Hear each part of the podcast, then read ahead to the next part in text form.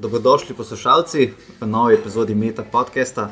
Danes malo drugače, nahajamo se v Bigotu, tukaj pa je z mano Matja Zalar, ki je uskočila tako v podcast, kot tudi v Slovenijo, samo za par dni, bo kasneje um, sama povedala, zakaj je tu. Matja dela doktorat iz biotehnologije, medtem ko je prej študirala biokemijo v Sloveniji. Trenutno mislim, v Manchesteru. Um, Ja, res je. študiraš, kako je prišlo do, tega? Ja, v bistvu čisto po naključju, če sem čisto iskrena. Jaz sem v bistvu zaključovala tukaj magisterij iz biokemije na Kemijskem inštitutu, sem delala magistrsko nalogo. Potem je bila prišla glih taka situacija, da oni nekako niso imeli še čist pozicije, zato da bi lahko začela tukaj z doktoratom. In sem medtem v bistvu iskala drugo, druge možnosti v tujini in sem se čisto po naključju na zadnji dan razpisa prijavila na to pozicijo v Manchesteru in sem potem dobila to štipendijo Marije Kiri, v bistvu, kjer sodelujem z 15 drugimi študenti na istem projektu, vsak iz malo drugega kota gledamo, tako da je res lepa izkušnja. Kje si pa zasledila ta projekt za Mlikuri? V bistvu sem šla na pogled na spletno stran Nature Jobs in tam imajo res tako te aktualne evropske razpise, tako na vse, kar je relevantno za naše področje. Uh, Imajo ogromno informacij gor in sem tako sam, v bistvu sem, mi je bilo malo dolg čas, pa sem čez zaforo šla pogledat, da je če je kaj. In je bilo, in sem tako rekla, ok, ja, zdaj bo pa treba pohiteti.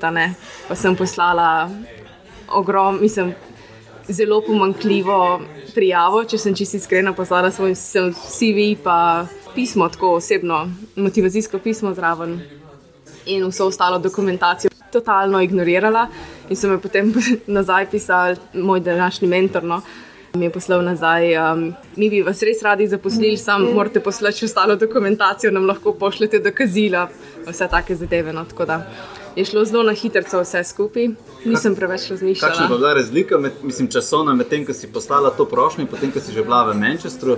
Tri mesece. A res, tri mesece. Tri mesece, ja. Um, razpis je bil konc, 1. marec je bilo konc razpisa, za veliko noč, to je bilo tam, mislim, da je bilo sredina marca, so bili intervjuji. Prvi teden aprila sem imela že pogodbo podpisano in, in potem s 13. junijem sem začela delati. To je tvoj mentor? Moj mentor je dr. Aleksandr Golovanov na Univerzi v Manchesteru. A ti je mogoče zaupal, potem, ko si prišla tja, koliko prošenj so recimo dobili za to? Ja, zato ker je to evropski projekt, mora biti vse to javno objavljeno, tako da za moje mesto je bilo 60 prijav. Čestitke. Ja, mislim, tako sem imela srečo, no bom tako rekla. Si iskala prav z tega področja raziskovanja ali si gledala mogoče za kakšno eh, raziskovalno skupino, ki bi ti bolj vem, ustrezala? Jaz sem v bistvu iskala področje. Um, jaz sem tukaj v Sloveniji delala na nukleinskih kislinah pri profesorju Plavcu. Potem sem videla, da v, bistvu v Sloveniji o nukleinskih kislinah res veliko vejo, malo pa manjka proteinskega NMR-a. In sem potem to želela v bistvu nadaljevati v to v smer, predvsem v interakcije protein, protein in DNA. No. Česar sicer zdaj ne delam, ampak delam pa interakcije proteini in malimi molekulami, kar je dokaj podobno. In potem, ko sem pač brala te razpise, sem našla to tematiko, ki mi je bila zanimiva. Nisem niti profesorja prej nisem poznala, pri katerem zdaj delam, ne skupine, niti ne inštitucije same. Šele pol, ko sem prišla v Manchester, sem v bistvu ugotovila, da je to je ena izmed najboljših univerz v Angliji, tudi po svetovnih rankingih zelo visoka, kar meni takrat ni več pomenilno. Zdaj sem tako, v bistvu bolj po reakcijah ljudi, ki, jih- ki jih spoznavaš na konferencah, potem vidiš, da si na neki ugledni inštituciji. No. Tam, ko si sam, tega ne, ne zaznaš. No. Delaš doktorat v angleščini, tako da tudi tvoj naslov doktorata je angliški. Ja, Pa res je. ga mogoče lahko zaupaš, pa čisto na hitro, mogoče prevedeš v slovenščino. Ja, uradni naslov doktorata je Experimental Characterization of Protein Excipient Interactions and Impact of Excipients on Protein Conformation and Aggregation using NMR Spectroscopy. Kar je v bistvu kar zakomplicirano in v bistvu čisto na kratko povedano, gledamo, kako se majhne molekule vežejo na proteine in kako se pri tem struktura proteina in nje- njegova dinamika spremeni, in kakšne ima to implikacije za dolgoročno stabilnost proteina. Predvsem zaradi tega, ker je moj doktorat v bistvu financira v veliki meri tri industrijske firme. Ena je Novozymes na Danskem, druga je Medimun, ki zdaj spada pod AstraZeneca, potem pa še um, Vajat in pa Nanotemper, ki pa v bistvu proizvajata mašinerijo za raziskave, ki jih pač mi delamo. No. Kar njih predvsem zanima, je, da oni proizvajajo proteinska zdravila, recimo proti telesa, in jih zanima, kako majhne molekule, ki jih oni dodajajo v samo formulacijo, vplivajo. Se reče agregacija. Združevanje. Združevanje. Pač to je v bistvu oblika, kako zdravilo um, postane neučinkovito. Eden izmed stranskih učinkov je tudi imunogenost, kar pomeni, da v bistvu ta zdravila pri pacijentih ne moreš uporabljati. Kolikor mi je znano, mora imeti projekt tudi industrijske partnerje. Jaz, jaz sklepam, da ta vaš projekt. Um, PIPI, če sem prav izgovoril, ja, ja, kot akronima, uh mhm. -huh. so to verjetno njegovi partnerji v konzorciju tega projekta. Tako je, mi smo v bistvu PIPI, je kratica po mal neposrečena po svetu, no, ampak je v bistvu ta projekt bil zasnovan na Danskem, kjer je zelo popularna pika nogavička in v danščini je PIPI njeno ime in zato se je potem tako poimenovalo. Ampak ja, ta konzorcij je v bistvu je šest univerz, okrog, mislim, po celi Evropi razpršenih pa mislim, da je deset industrijskih partnerjev. In pač ja, to je ta Initial Training Network uh, pod Horizon 2020 spada. In jaz moram reči, da sem se pogovarjala z velikimi ljudmi, no, ki v Angliji počnejo te Horizon 2020 zadeve in nimajo take, ta projekt ni tako zelo kolaborativen, kot ga imamo mi zasnovanga. No. Mi smo res zelo, zelo povezani, vseh 15 študentov. Ne vem, če je bilo pri tebi isto, mi imamo zelo velik poudarek na tem, da hodiš na različne univerze, na delavnice, da se učiš iz različnih perspektiv, da pogledaš na problem ne samo iz tvoje. Iz svojega področja, ampak tudi kako vsi ostali gledajo. Tako da, recimo, mi smo študenti, biokemiki, farmacevti, fiziki, matematiki. Tako da je res mal drugačen doktorat, kot bi uh, se tipično, po moje, doktorat dela.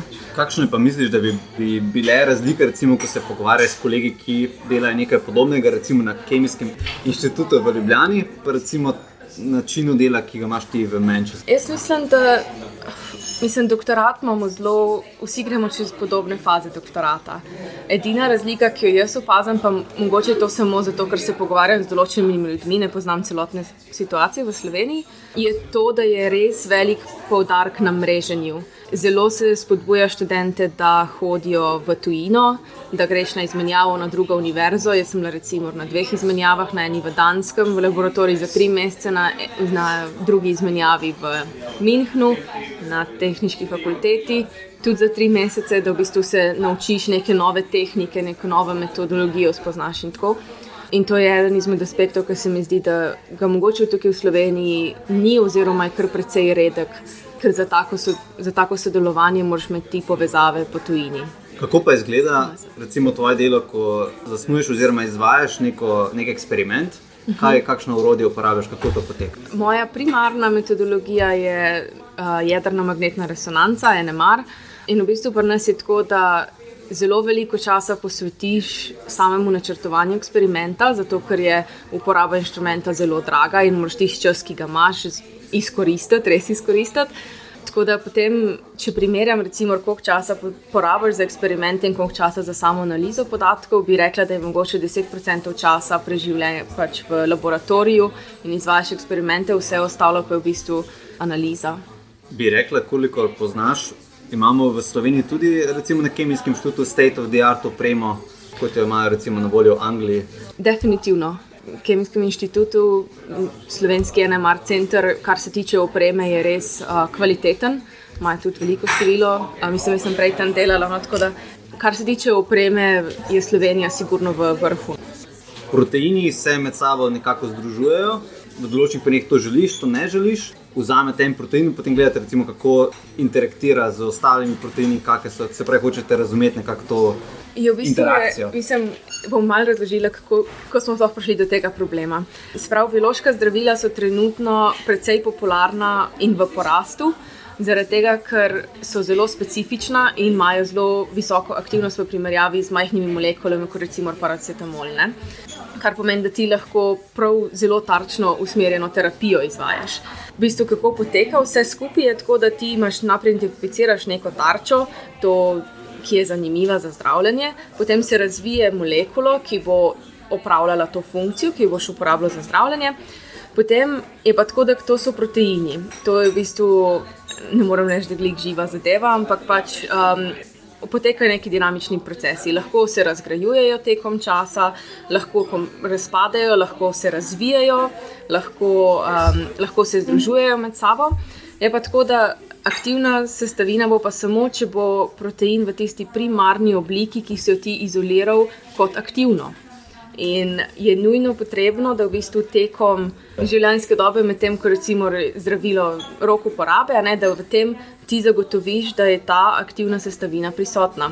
Ker če ne, lahko sprožiš neke negativne odzive imunskega sistema in v skrajnem primeru lahko pacijenti celo umrejo, kar je nezaželjeno. Ne. In tukaj pridemo noter mi. Mi v bistvu dobimo molekulo, ki je bila izolirana, je aktivna in moramo zagotoviti po FDI pravilih, da ne sme biti več kot en procent oligomerov prisotnih v, v roku dveh let, kar je nekako lahko uporabe. Oligomeri? oligomeri so v bistvu uh, monomerna enota kot en protein, potem imaš dimer, če se dva skupaj združita, in oligomeri, če je več, več teh proteinov skupaj. In FDA je. FDA je uh, Federal Drug Administration. Ja, ja Aha, tako. Okay. Uh, ena, ja, FDA je ameriška, mi imamo pa tudi. Um, evropsko direktivo, tudi, no, ampak so zelo podobne in pač ti moraš to zagotoviti. In zdaj, kako boš to zagotovil, imaš zelo različne pristope. Eni pristopi so to, da uh, spremeniš prav protein, zato da ga stabiliziraš, ga lahko malo mutiraš, lahko kašne take zadeve. Drugi pristop je v bistvu to, kar mi počnemo, je, da dodajaš majhne molekule, ki zagotovijo, da ostane stabilen. To je recimo zelo prisotno tudi pri ostalih zdravilih. Recimo, če pogledaš tableto za glavobol, dejansko sama učinkovina je zelo majhen procent tega, kar ti poješ, vse ostalo je pa tako imenovan bulking agent, zato da pač lahko to sploh primaš, pa vzameš. Potem pa pri bioloških um, zdravilih je tako, da so večinoma obriskani in se obriskavajo v zelo velikih koncentracijah, kar pomeni, da je tekočina zelo viskozna. In je v bistvu to lahko zelo, zelo boleče za pacijenta z določenimi majhnimi molekulami, recimo aminokislina arginin ki jo vsi poznamo kot uh, proteinski dodatek. Ne? To se recimo v industriji uporablja za zmanjševanje viskoznosti in je zato potem recimo manj boleča administracija zdravil pri pacijentih.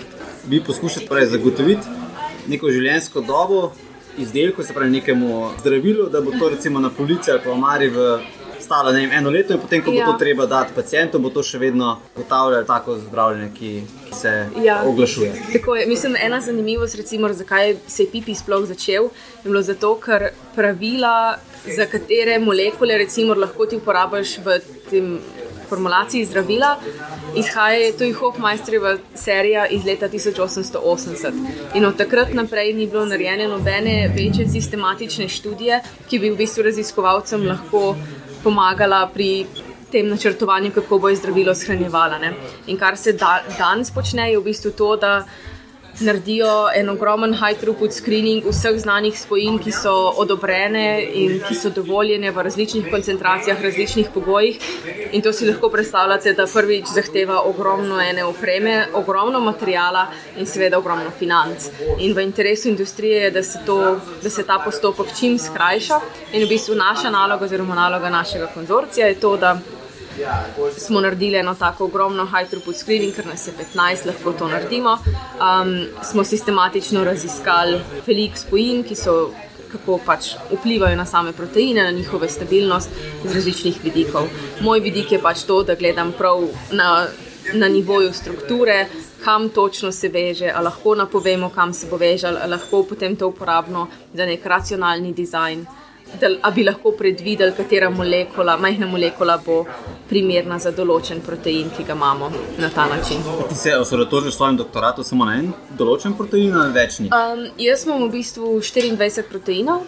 Um, in potem gledam sistematično, kako se njihova struktura spremenja, vse pod istimi pogoji in tako z istimi molekulami, zato da imamo neko podatkovno bazo, ki bo na koncu projekta postala tudi javno dostopna in bo odprta, tako da bodo tudi drugi raziskovalci, ki se ukvarjajo s podobnimi, lahko v bistvu nalagali te podatke v databazo in bi nekako svojo odkrito. Svojo, ja, mislim tako, da nekako upamo, da bo to postal tak um, repozitorij za eksperimentalne podatke. Um, sploh zdaj, ki je ta direktiva za odprto znanost in transparentnost raziskav in vse, tako kar se ve, kakšen procent je raziskav je dejansko sploh ponovljivih. Zato recimo mi vse svoje podatke na tej podatkovni bazi se bo nalagalo vse od surovih podatkov, se pravi tvoj, prav tisto, kar izmeriš, kar pride ven iz mašine, um, potem ta meta. Meta podatki, kako vse skupaj procesiraš, potem procesirani podatki in na koncu zaključki, ki smo jih iz tega ven potegnili. Tako da pač poskušamo nekaj malega dodati k temu, da, da bi postalo vsaj naše področje nekaj bolj transparentno. Sedaj greva še na ta bolj um, neformalni del, ki je, ki je podoben za vse naše intervjuvance. Ali se spomniš kakšne zabavne ali zanimive anekdote? Ja, zdaj, um, jaz sem o tem sem razmišljala in sem pa prišla v vse sorte smešnih zgodbic in tako. Ampak glede na to, da sem v Sloveniji danes zato, da se uh, udeležim podelitve mentorja leta, bi rada povedala eno anekdoto povezano z mojim mentorjem ker sem bila zelo presenečena, ko je to prvič rekel. To je bilo v prvem mesecu mojega doktorata. In um, pri enem maru je tako, da ti dobiš samo določen čas, ko lahko uporabljaš inštrument. In jaz sem si pač načrtovala eksperiment, malo zelo naivno, nisem bila še preveč izkušena, ampak sem hotela narediti res dober eksperiment. In sem rekla, ok, za to vse skupaj rabim 36 ur. Pri nas v Manchesteru imamo pa direktivo, da če delaš izven dovoljenih ur, kar je recimo po desetih zvečer ali pa pred šesto zjutraj, moraš dobiti dovoljenje svojega mentorja in vodje inštituta. In jaz sem prišla k mentorju in sem mu predstavila svoj eksperimentalni plan. In me on pogleda in reče: A si ti sigurna, da boš 36 ur lahko delala? A se reka, jaz se v bistvu tako, da je eksperiment je dosti enostaven, v bistvu moraš samo vzorce menjati, pa bom že. In me mentor pogleda in reče: tega sicer ne odobravam, e, ampak ti bom dovolil, da to narediš, ampak naslednje dva dni te bo nočem videti na inštitutu. In jaz sem na takrat precej presenečena, da ti nekdo na taki poziciji v bistvu pove, da, da se zaveda tega, da je to čisto izven okvirov tega, kar je od tebe pričakovano. In um, da sem v tem bistvu brez tega, da vzameš dopust ali pa karkoli. Pač sem bila doma. Odlično. Kaj pa, ja. če bi šla um, s kao slovenskim predsednikom vlade, kaj bi mu predlagala, da lahko izboljša na področju znanosti? Ja, glede na to, da sem trenutno v poziciji, ko hočem priti počasi nazaj v Slovenijo po svojem podoktorskem študiju, bi mu rekla, da bi bilo zelo lepo, da bi bili naši razpisi vnaprej napovedani, ne da so zelo sporadični. In pa to, da bi bilo potrebno urediti neko strukturo oziroma financiranje za podoktorske raziskovalce, ker se v Sloveniji producira zelo visoko izobražene in kvalitetno izobražene doktorske raziskovalce, ki pa v bistvu potem po doktoratu nimajo neke scheme, kaj bi sami sabo naprej. Bi drugim doktorskim študentom predlagala kakšno orodje, način dela, ki je tebi prišparal, vem, živcev ali pa čas, energijo? Ja, kar se tiče samega tako, doktorskega študija, bi rekla, da razmislite dobro, kaj boste naredili, pa koliko časa vam bo vzel. Načrtujte svoje eksperimente. Um, uporabljajte TeamViewer, ker ti pršpara, če lahko od doma pogledaš eksperiment, ne da bi prišel v, v službo, ti to polepša vikende včasih. Tako da to sigurno priporočam. Drugi je pa EndNote. Je sicer plačljiv program, ampak um, je zelo dober način, kako v bistvu shranjuješ svoje, vse verjetno večina ljudi pozna, da shranjuješ svoje reference, jih lahko točno po poglavjih, kar želiš. No? In ti prihrani veliko časa, ko formatiraš svoje članke ali kar koli. No? Pa en splošen svet. Berte, veliko, veliko, veliko berte, ne samo o, o tem, kar vi počnete, ampak o znanosti na splošno, ker je zelo pomembno, da se zavedaš, da, oziroma da poznaš druga področja znanosti. Imaš kakšno priporočilo za kakšno knjigo, film, spletno stran? Moja trenutna najljubša stran je psych.org in je v bistvu spletna stran, kjer dajo kratke preglede znanstvenih člankov iz vseh sort področji in je res zanimivo branje. Tudi napišejo ne tako, da bereš prav strokovne, ampak je na poljudno znanstven način napisan, tako da lahko razumeš, kaj se dogaja trenutno v znanosti.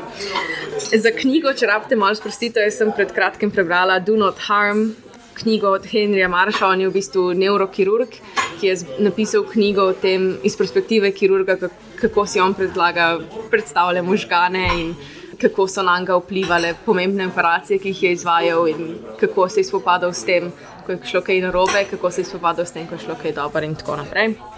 O, pa če slučajno kdo gleda Netflix, pogledajte Afterlife od Rikija Dževeza, ker je res dober, če imate radi črno komedijo.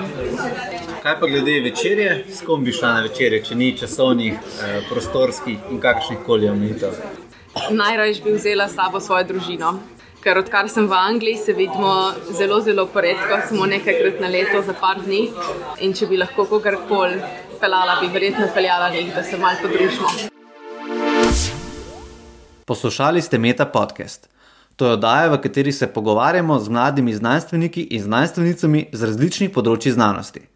Podcast domuje na spletišču metinalista.si, kjer najdete tudi druge zanimive znanstvene vsebine.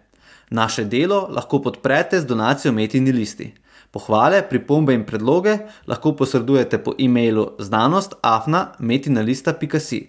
Dobrodošli so tudi komentarji na Facebook profilu Metine liste in na Twitterju afna.metina lista, kjer uporabite hashtag metapodcast.